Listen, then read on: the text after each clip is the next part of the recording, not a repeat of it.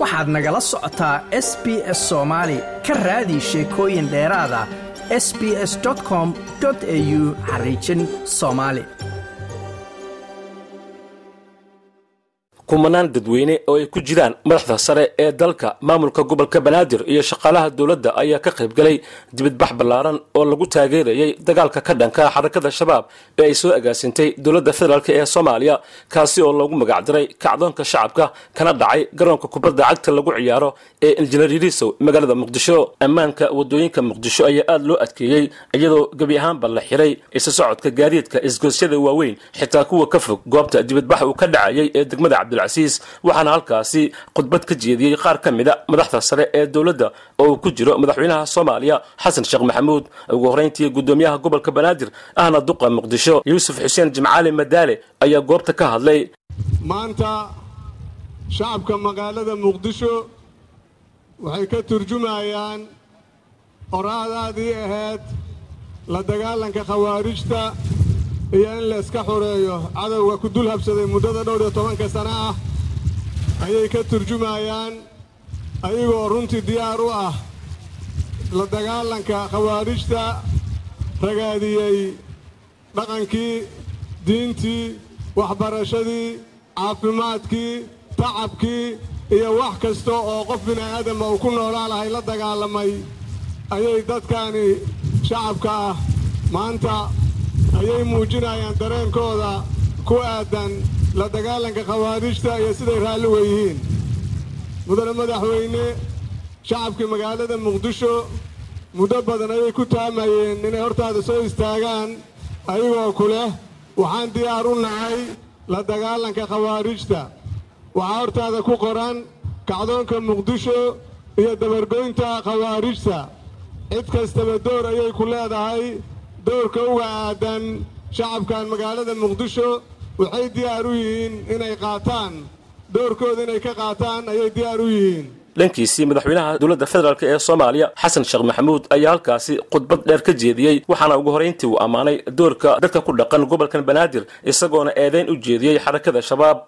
Dadka reer banaadir ee ku nool caasimadda jamhuuriyadda dhammaan waxaan idin leeyahay maanta waxaad muujiseen taariikh cusub oo u baahan inay dadka soomaaliyeed ee jamhuuriyadda ku nool ama dibaddeeda ku nool inay fahmaan dadka muqdisho meesha ay taagan yihiin.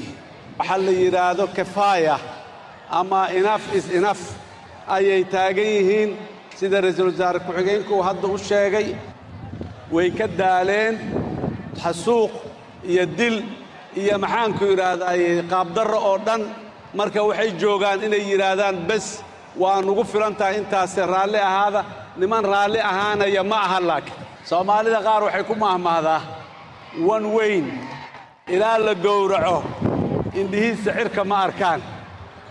Nimankan shabaaba ilaa aad iska dhicido inaad dad tahay kuuma haystaane. Badeeco yaroo ayagu ay leeyihiin. Inaad tahay ayay ku haystaan marka dadka ayaa soo gaaray meel ay yidhahdaan waxaan rabaa waddada aad ku taagan tihiin iyo dadaalka aad muujiseen.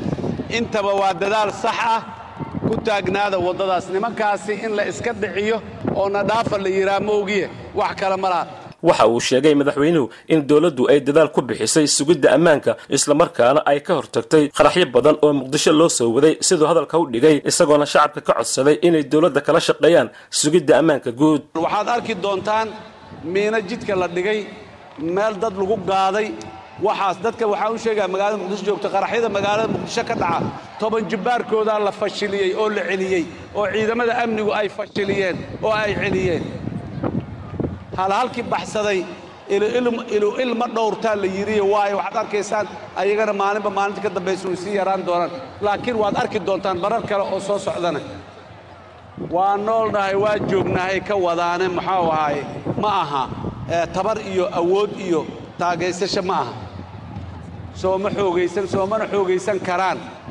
Ciidamada qalabka sida iyo shacabkoo iskaashanayo kama soo adkaa karaan kamana soo badbaadi karaan waxaan marar badan meelo badan ka sheegay kalluunka ama mallayga haddii meesha uu ku jira ku dhex dabaalanayo biyuhu ay ka dhammaadaan miyuu sii noolaan karaa?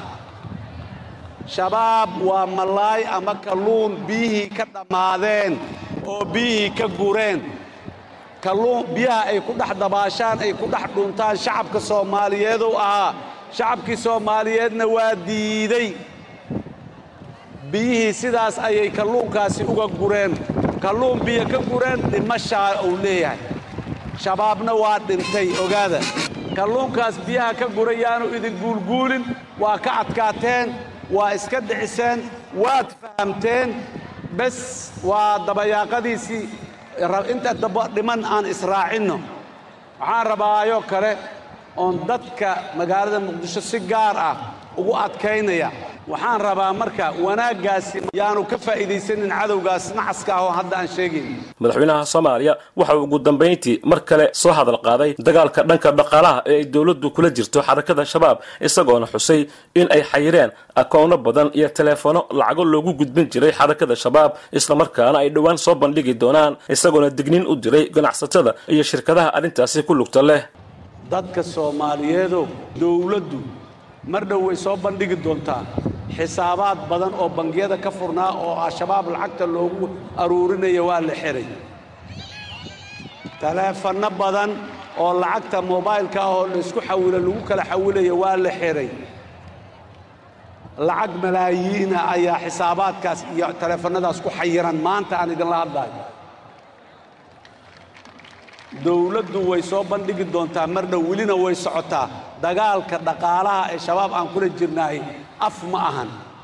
Waa ficil hay'adaha iyo shakhsiyaadka oo si ulakac ah shabaab wax u siiyo ogaal ku siiyo inuu shabaab lacag siinayo og oo cudurdaaradaas aan sheegnay bixinayo cudurdaarka lagama aqbalayo.